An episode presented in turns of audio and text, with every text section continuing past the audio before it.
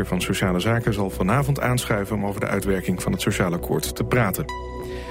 Ondernemer Koen Everink zal niet getuigen tegen kickbokser Badahari en Ferhat Eijven. Vanwege zijn gezondheid zal het Openbaar Ministerie Everink niet oproepen.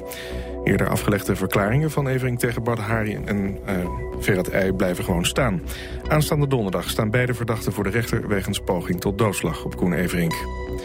En de Nederlandse economie is dit kwartaal uit de recessie geklommen. Dat denkt althans Klaas Knot, de president van de Nederlandse Bank.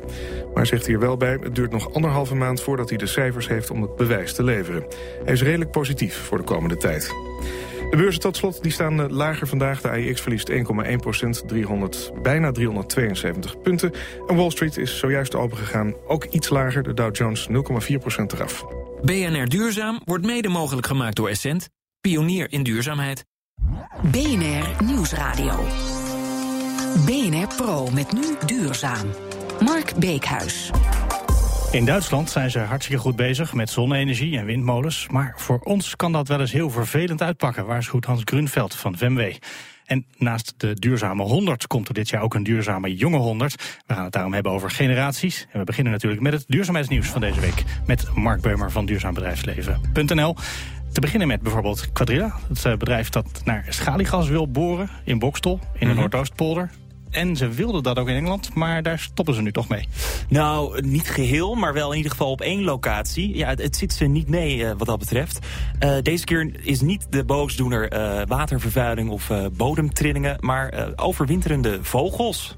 En die hebben last van borende ja, ja. En borende olieboeren. Precies, ja. Nou ja, goed. En daar is dus een protest op aangetekend. En uiteindelijk is dat zo hoog opgelopen dat Cadilla nu heeft gezegd... nou, ik kies eieren voor mijn geld. En in Lancashire, waar het om gaat, daar gaan we niet boren. Is het verboden of hebben ze zelf besloten het niet te willen? Ze hebben zelf besloten het niet te willen. Oké, nou, dat is toch op zich heel goed. Dat is, ik denk dat veel mensen een ander beeld hebben van het bedrijf. Je weet niet helemaal wat, welk traject er achter de schermen aan vooraf is gegaan. Er is door de Europese Commissie onderzoek gedaan... naar wat mensen in Europa vinden van schaliegas. 40% willen er sowieso niet aan van de Europeanen. 30% willen het wel, maar hele strikte voorwaarden voor de veiligheid. Mhm. Alleen in Polen denken ze er anders over. Daar zijn ze eigenlijk best enthousiast. Ja, nou, dat, speelt daar. Nou, in, in, Polen zit er heel veel schaliegas en olie in de grond. Uh, daar zijn ze ook al langer bezig. Er zijn ook echt boringen al uh, uitgevoerd. Uh, dat is niet zonder slag of stoot gegaan en ook niet helemaal succesvol geweest. Er zijn al een aantal investeerders uit teruggetrokken. Maar ja, Polen heeft natuurlijk wel een enorme ontwikkelingsdrang... en ziet een, een, een, goedkope bron van energie onder zijn voetjes... en wil daar graag gebruik van maken. Maar er zijn bedrijven die zich hebben teruggetrokken. En dan denk ik meteen natuurlijk even aan het interview van gisteren... met Peter Vozer van de mhm. Shell, die ook zei... ja, schaliegas, het was een hype in Amerika. De rest van de wereld moet zich er ook niet te veel van voorstellen. Ja. Die heeft eigenlijk spijt ervan nu, van dat hele project schaliegas. Ja, dat, dat woord heeft hij uh, in de mond genomen zelf. Spijt. Hij heeft uh, miljarden, 24 miljard geïnvesteerd in uh, exploratie naar onconventionele bronnen.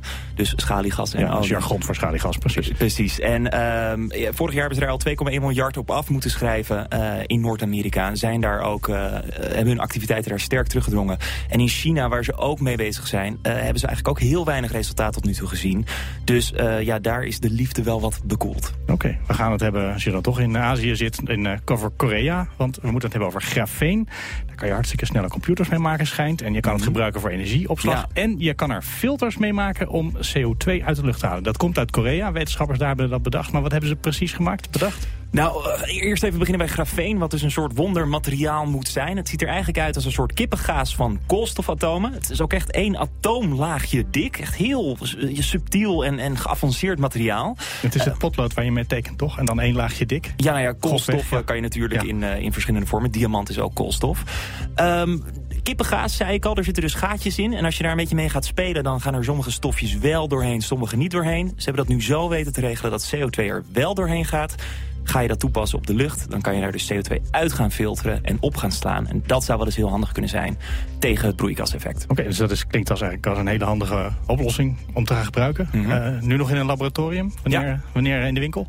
Twee tot drie jaar, zeggen ze zelf. Dat is best wel snel. Dat is best wel snel, ja. ja. Vond ik ook wel verbazing. Voor zo'n heel high-tech materiaal. Dankjewel, Mark Beumer van duurzaambedrijfsleven.nl. BNR Nieuwsradio.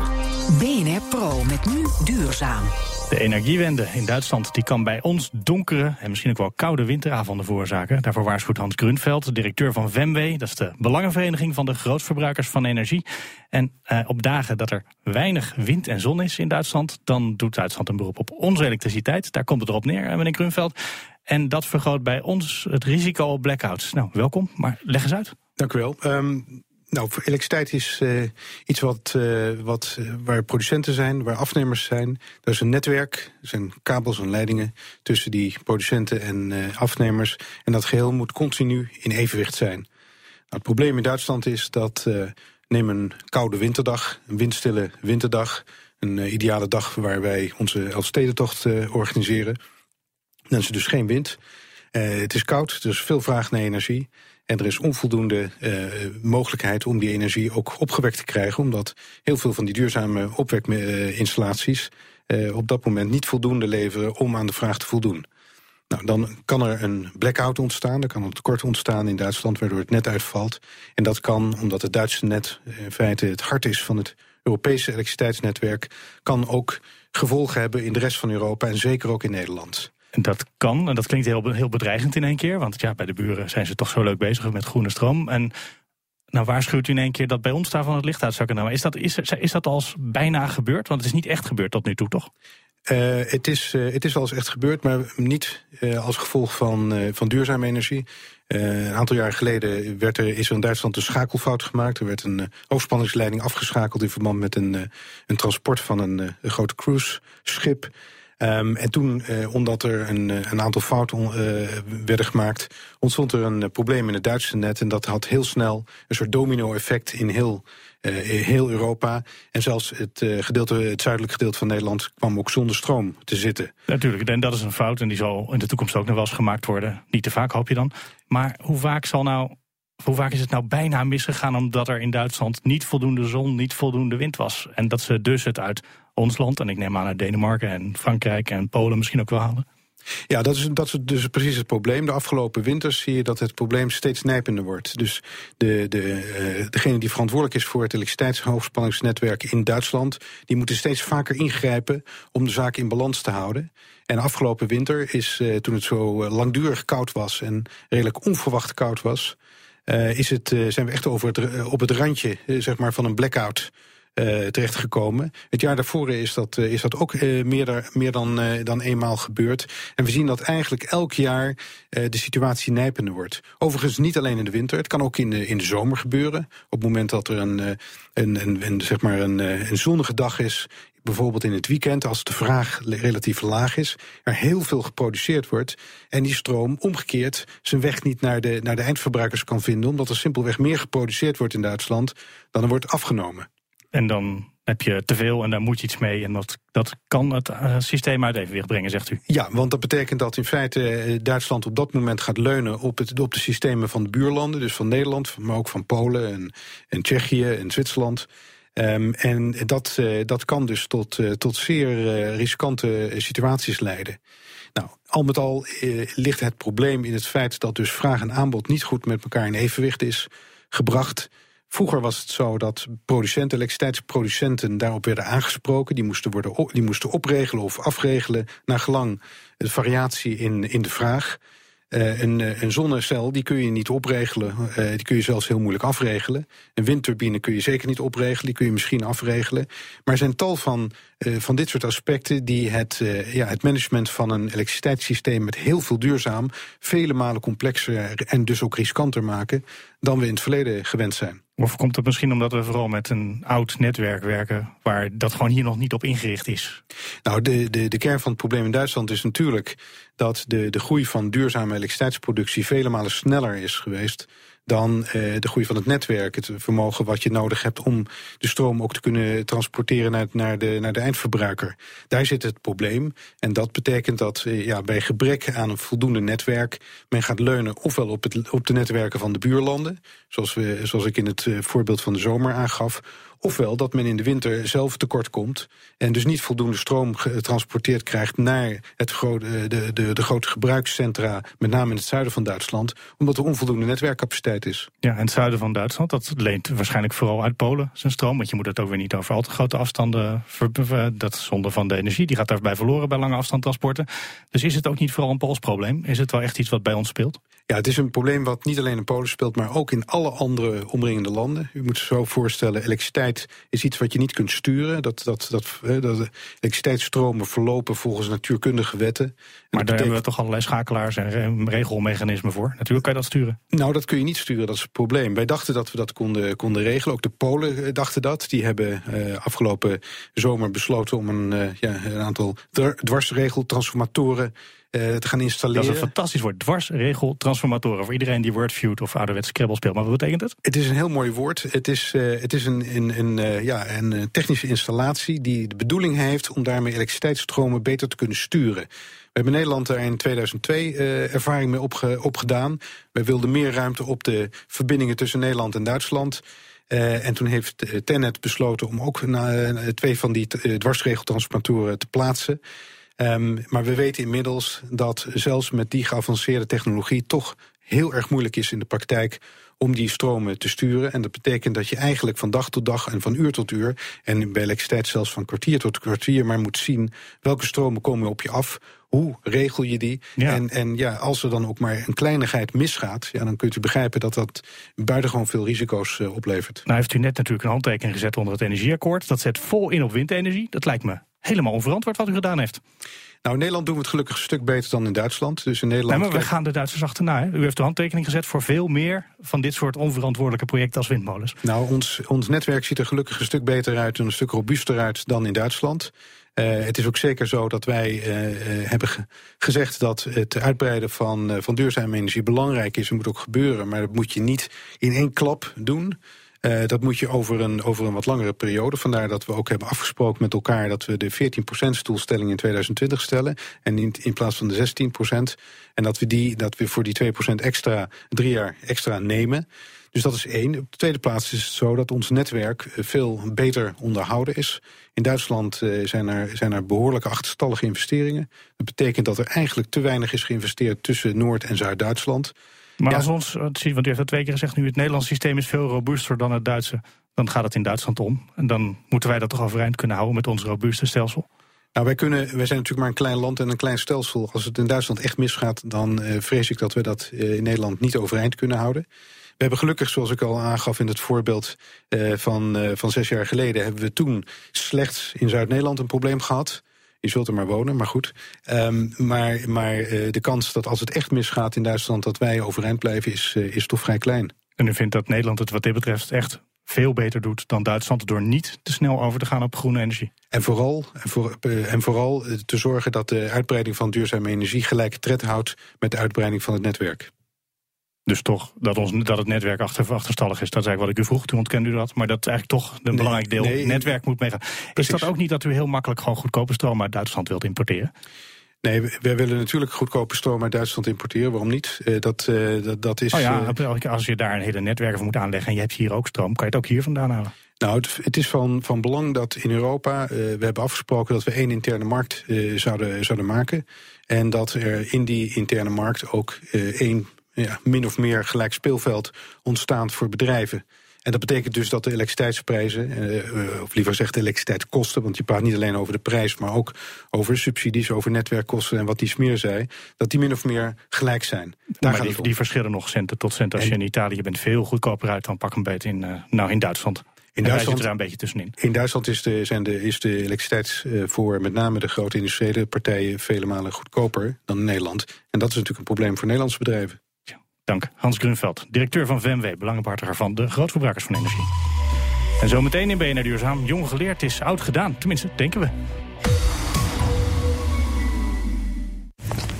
De FD Gezelle Awards bestaan 10 jaar en ik ben vandaag in Schiedam. We zijn te gast bij Albert de Jong van A. de Jong Groep. Albert, vertel even, waarom zijn we hier? Nou, op 19 november vindt de uitreiking van de FD Gazelle Awards voor Zuidwest-Nederland hier plaats. Ah, en wie komen er allemaal? Nou, alle gazellen uit de provincies Zuid-Holland en Zeeland. Oké, en wie gaan er met de awards naar huis? Ja, dat horen we dus op 19 november. Ja. Maar wil je erbij zijn? Ja, is goed. Kijk dan even op fd.nl slash fdgazellen. Ja, wist je dat FD Gezelle Awards een initiatief is van het Financiële Dagblad en Graden... en mede mogelijk gemaakt wordt door ABN AMRO en KPMG Meijburg en Co? Ja, dat wist ik al lang. Wist je al, hè? Ja.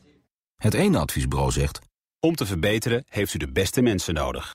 Het andere adviesbureau zegt... Wij zorgen ervoor dat uw mensen morgen beter zijn dan vandaag. Wij zijn dat andere adviesbureau. Wij, van Levendaal. Levendaal optimaliseert organisaties en mobiliseert mensen. Voor overheid, onderwijs en zorg. Levendaal. Zaken doen met. Vandaag de gast Louise Gunning, bestuursvoorzitter van de Universiteit van Amsterdam. Morgen komt Zaken doen met vanaf het jaarcongres van werkgeversvereniging AWVN. Te gast zijn dan Jaap Smit van het CNV, Harry van der Kraats van de AWVN... en Teun Verheij van de Albron. Om half twee op BNR Zaken doen met Rens de Jong. Zaken doen met wordt mede mogelijk gemaakt door Exact en Otto Workforce. Bedrijven willen medewerkers die onderscheidend zijn. Hoe maak jij het verschil? Ik maak het verschil door transparant te zijn. Duidelijk te maken wat je doet. Ik geloof in openheid. Otto Workforce. Medewerkers die voor u het verschil maken. ottoworkforce.eu Om 4 uur Petra Grijzen. Spitsuur. Het goede nieuws. Onze economie is aan de beterende hand, zegt de Nederlandse Bank. Meer daarover. En ook over het slechte nieuws van DNB. De politiek kan het prille herstel van onze economie zomaar verpesten als ze er niet uitkomen met de oppositie. Vandaag horen we wat er uit dat nieuwe overleg komt met minister Dijsselbloem en die oppositie. En Griekenland gaan de Amerikanen verdienen aan een Europees hoofdpijndossier. Straks om 4 uur Spitsuur. BNR Nieuwsradio. Verstand van zaken. En in BNR Duurzaam gaan we het hebben over mensen die jong zijn... en uh, door het leven, naar het leven kijken door een groene bril. Uh, misschien ook wel het verschil willen gaan maken in de wereld. En om die reden een redelijke kans maken op een plek in de duurzame jonge 100. Lijst met de duurzame jongeren. Maar maakt leeftijd eigenlijk iets uit? Ga ik over praten met Talita Muse, initiatiefnemer van die duurzame jongeren 100...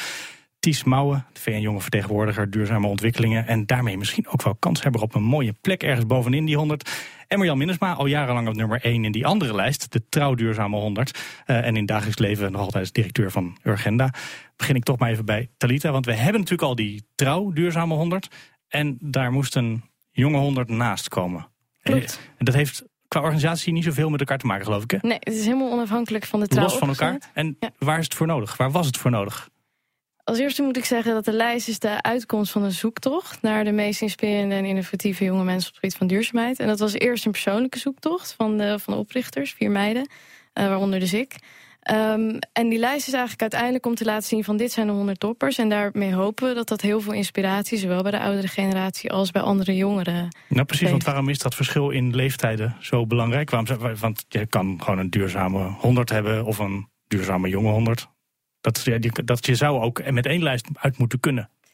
Ja, maar wij denken toch dat de jonge mensen eigenlijk die nieuwe manieren van denken en doen hebben. En wat je ook ziet is dat bijvoorbeeld bij de trouw er toch jonge mensen ontbreken. En dat komt omdat het, ja, het is ook logisch. Als je jong bent, dan heb je nog niet een CEO-functie op je naam staan. Of zit je niet in allerlei advies, adviescommissies van de SER. Uh, dus dan kom je minder snel op zo'n lijst. Uh, iemand die 19 is en nog bezig is met zijn afstudeeronderzoek... ja, die komt simpelweg niet omdat hij bepaalde referenties niet heeft op zo'n lijst. Terwijl die wel de potentie heeft om uh, ja, doorslaggevend te zijn voor een duurzamer Nederland. Ja, terwijl TIES misschien toch wel een zekere kans maakt... ook in die gewone duurzame 100. Ja. Als jongere vertegenwoordiger bij de Verenigde Naties. Je was vorige week nog in New York bij het hoofdkantoor daar. Liep tussen ministers en dat soort mensen rond. Dus dat is toch wel het begin. Dat klopt, dat is zeker het begin. Maar uh, de echte resultaten, ik denk dat die top uh, van trouw anders wordt gemeten. Ik denk dat ik daar toch niet voor in aanmerking kom, voorlopig. Nog, nog niet, daar, nog, een, nog een paar jaar. Uh, maar dan, Marjan Mindersma, al jaren op nummer 1. Onverslagen koningin van de duurzaamheid in Nederland. Was het nodig om een, een lijst zeg maar, met aanstormend talent eronder te hebben? Nou, ik ben ambassadeur daarvan, dus ik vind het een heel leuk initiatief. Ik denk inderdaad dat die trouwduurzaamheid top 100 een aantal criteria heeft, waaronder charisma en hoe vaak ben je in de media en dat soort zaken, waarin die heel veel van die jongeren nog niet voldoen, simpelweg omdat ze niet bekend zijn. En als je nog niet bekend bent, kom je ook niet in de media. En dat is een soort vicieuze cirkel. En dan gaat dit helpen. En die, hon die honderden, honderd jongeren zijn eigenlijk zeg maar de, de potentieel hele goede mensen die ons moeten gaan opvolgen. En het is leuk als die wat vroeger in het zonnetje komen te staan. Want dan komen ze ook hopelijk sneller in die, eh, die grote top 100. Uh, en ik vind het wel leuk dat het een mixje is. Want ik vind dat er in de trouwduurzaam top 100 en te weinig vrouwen staan en te weinig jongeren. Dus ik juich dit uh, van harte toe. Ja, er staat ook al jaren een vrouw op nummer 1, maar dat maakt ja, de rest van de, de 100 niet. nee, nee, er geen, geen ene. Nee, precies, dat snap ik wel. Um, maar dus, het heeft bij, tot nu toe bij andere generaties te lang geduurd voor ze bekend werden. Dus is dat het een beetje wat je eronder zegt?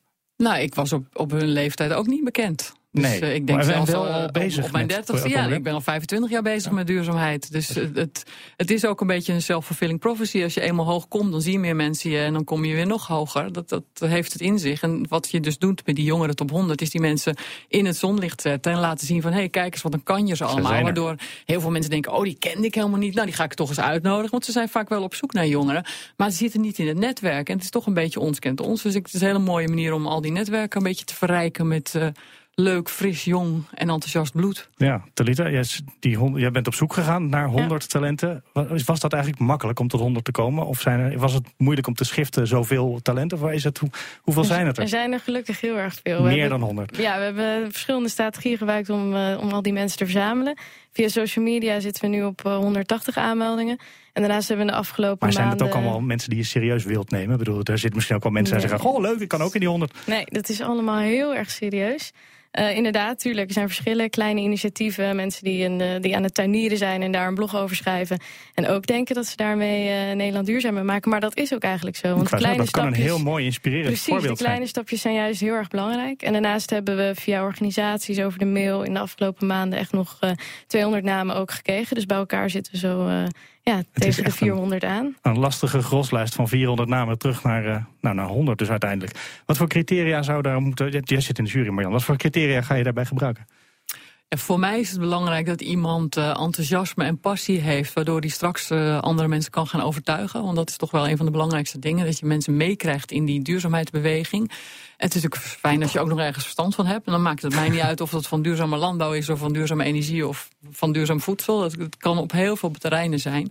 Maar je moet wel de, de, uithoudingsvermogen hebben om te denken... drie keer links is ook rechts. En als je een paar tegenslagen hebt, dat je dan toch doorgaat. Dus we hebben wel doorzetters nodig en geen probleemdenkers. Oké, okay, Tisha vertegenwoordigt de jongeren in Nederland en de wereld. Ja. Uh, drie keer links is ook rechts. Uh, dat, is dat jouw, uh, ben jij dat? Ja, dat, dat ben dat, ik. Dat ben je, wat, waar, denkt jouw generatie, ik moet jij maar, ja, we hebben natuurlijk niet iemand die de generatie vertelt, dus jij hebt die rol nu maar even dan. Uh, denkt jouw generatie anders dan de generatie boven jou? Uh, ja, dat heeft denk ik niet met per se mijn generatie te maken, maar überhaupt het feit dat we nog korter op deze aarde zijn. Mm -hmm. Dus we hebben geen gevestigde belangen. Uh, misschien ook zien we ook minder obstakels, puur omdat we er nog niet tegenaan zijn gelopen. Um, dus ik denk dat jongeren überhaupt, of ook als ik zometeen een oudere generatie ben en we krijgen een jongere generatie, dat die altijd waardevol zijn om erbij te betrekken. Dus um, ja, en, en het zijn wel hele andere tijden die, waar wij in opgroeien vergeleken met de tijd waar mijn ouders in zijn opgegroeid bijvoorbeeld. Dus ik denk dat maar dat waar, ook... waar zit dat verschil in dan? Um, ik zou de, toch denken, denken de welvaart. Uh, we hebben die wij verwachten. Ja, en, en waar ik mee ben opgegroeid is, is altijd was alles uh, voor, voorhanden. En uh, ik weet dat het vroeger in het gezin van mijn ouders niet zo was. Uh, dus ik denk dat dat je ook wel heel erg vormt in wat je verwacht inderdaad. Nou, maar ik denk, kijk, ik ben uh, 45, dus ik ben wel een stukje ouder dan jij, maar ik kom uit hetzelfde soort gezin. Dus ik ben ook in overvloed opgegroeid. Dus in die zin zijn wij niet zo verschillend. Maar het grote verschil vind ik als iemand van begin 20 tegen zo'n topman zegt van... hé, hey, ik wil dat je even naar mij luistert en uh, ik vind dat het zo niet goed gaat... dan durven ze toch niet weg te kijken en dan worden ze echt aangesproken op hun hart, op, op morele mm. zaken. Terwijl als ik dat zeg, denken ze, oh, dat is die mevrouw van de duurzaamheid. Ja.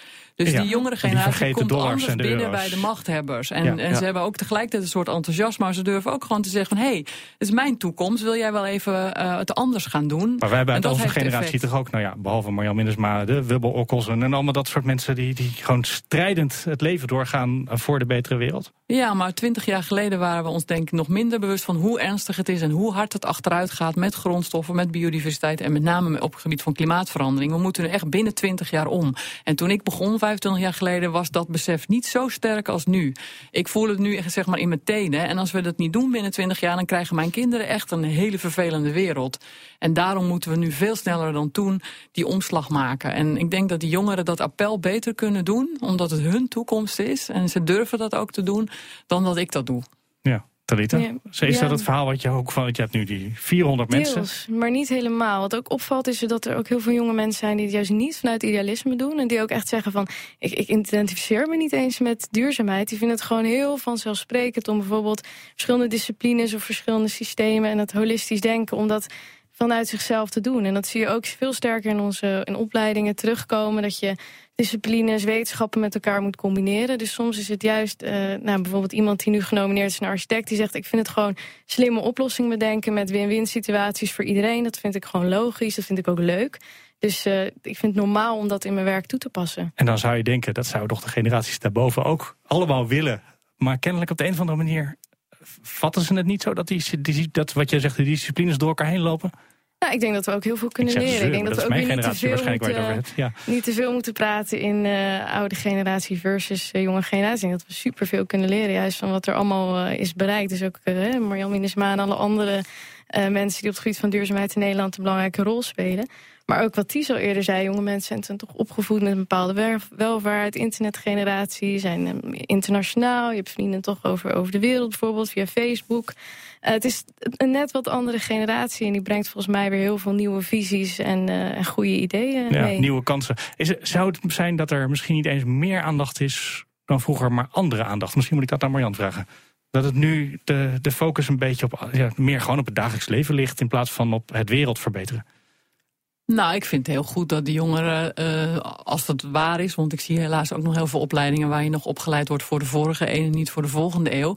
Dus daar moet nog heel veel gedaan worden in het doen wij, onderwijs. dat is onze generatie die ja, dat ja, doet. daarom hebben we onder andere die studenten van morgen... die ijveren voor meer duurzaamheid in het onderwijs. Dus er is een bepaalde groep die vindt het al vanzelfsprekend.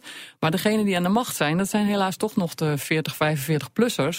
En voor hen is het niet allemaal vanzelfsprekend. Die zijn toch vaak bezig met korte termijn gewin. We moeten nu zoveel winst halen. We moeten onze aandeelhouders tevreden houden, noem maar op. Ja, en dat als is we het in dit systeem waar tempo we nog in door- leven en waar- waar- Ja, maar als we in dit tempo doorgaan, dan gaat het dus toch mis voordat zij aan de macht zijn. Dus ik heb wel haast om de komende 20 jaar een, een systeem omver te duwen. En dat is natuurlijk wat Ties net ook zei. We hebben al die de praktijk nog steeds niet tegen. Die hebben, we hebben al die problemen nog niet meegemaakt. We gaan er gewoon met enthousiasme in. Maar ja, dan hoor je dus over 20 jaar is het waarschijnlijk de grote kans dat je dan in dollars rekent, toch of in euro's. En denkt, ja, het was het waard geweest als we de planeet hadden gered. Maar ja, het kostte wel heel veel. Ehm, Of denk je dat dat niet gaat gebeuren? Dat wat niet gaat gebeuren? Dat, nou, dat, we, dat je die omslag als generatie ook niet gaat maken. Zoals Oh. alle, alle generaties voor ons die Nou, kennelijk ook gemaakt hebben. Ik heb er meerdere keren bij stilgestaan en ik, eh, ik ben me er heel erg bewust van. Dus ik hoop dat ik met dat bewustzijn al kan voorkomen dat het bij mij gebeurt. Ja. Ehm, maar ik, ik, ik, ik, heb er, ik, ik heb er goed vertrouwen in. Ik denk inderdaad dat, dat het soort bewustzijn wat we nu onder jongeren ervaren... inderdaad eh, zal volstaan om, om dat niet eh, te laten gebeuren. Ik ga jullie alle drie hartelijk bedanken. Marjan Minnesma, dat is de directeur van Urgenda. Ties Mouwen, VN Jongerenvertegenwoordiger. En Talita Muze, initiatiefnemer van, het, van de Duurzame Jongeren 100. Want we zijn aan het einde gekomen van BNR Duurzaam. U kan altijd terecht op bnr.nl schuine streep duurzaam. Bijvoorbeeld voor het duurzaamheidsnieuws en de podcast. En volgende week, dan zijn we natuurlijk weer gewoon. Hartelijk dank voor het luisteren voor nu. BNR Duurzaam wordt mede mogelijk gemaakt door Essent, pionier in duurzaamheid. Uw bedrijf heeft behoefte aan een professional die je niets meer hoeft uit te leggen. Dat is toevallig. Tempo Team heeft honderden ervaren professionals die in aanmerking komen, zoals financiële of IT-professionals. Maar u zoekt er geen honderd, u zoekt die ene professional die het beste resultaat levert. En die vinden we voor u, want met onze resultaatmethode krijgt u altijd de beste kandidaat. Dus niks toeval. Ga naar tempoteam.nl slash professionals. Het FD en BNR presenteren Newsroom. Wil je zelf in gesprek met de kop uit het nieuws? Kom langs. Vanavond om half zeven in het Nieuwscafé in Dauphine in Amsterdam. Newsroom wordt mede mogelijk gemaakt door Cuba, the Strategy Execution Network. Technologie is overal en de mogelijkheden zijn eindeloos. Maar hoe haal je meer uit de apparaten die je al hebt? Op computertotaal.nl vind je alle informatie over technologie die het leven leuker maakt. Ga naar computertotaal.nl voor reviews, how-to's en nieuws. Newsroom. Met vanavond. De supermarktoorlog. Wie wint de strijd om de klant? De gast zijn René van Klooster van Detail Result... het bedrijf achter Dekamarkt en Dirk van den Broek. Supermarktdeskundige Gerard Rutte. En Davy van Heijstee van online supermarkt Ruud Maas. Kom langs en meld u aan via bnr.nl slash newsroom. En hoe was jouw business trip naar Manchester? Oh, perfect. In één dag op en neer. En ook nog een mooie deal gesloten. Ondernemers boeken KLM Business Deals. Europa Retour vanaf 199 euro. Boek vandaag nog op klm.nl slash businessdeals. Medioconsult. Vanavond is het rustig en vrij helder en ontstaat dieper landinwaarts opnieuw mist. Morgen is er veel bewolking en valt lokaal een spatje regen. In het oosten schijnt de zon eerst nog even. Vanaf woensdag trekt de wind aan en gaan de temperaturen naar beneden. Donderdag wordt het slechts 12 graden met veel buien. ANWB. John Sahoka. Met files op de A20 richting Gouda. Daar staat tussen knooppunt Kleinpolderplein naar Rotterdam-Krooswijk 2 kilometer. Langer is de file op de N15 Maasvlakte richting Rotterdam. Daar staat voor Spijkenis 5 kilometer. Er is één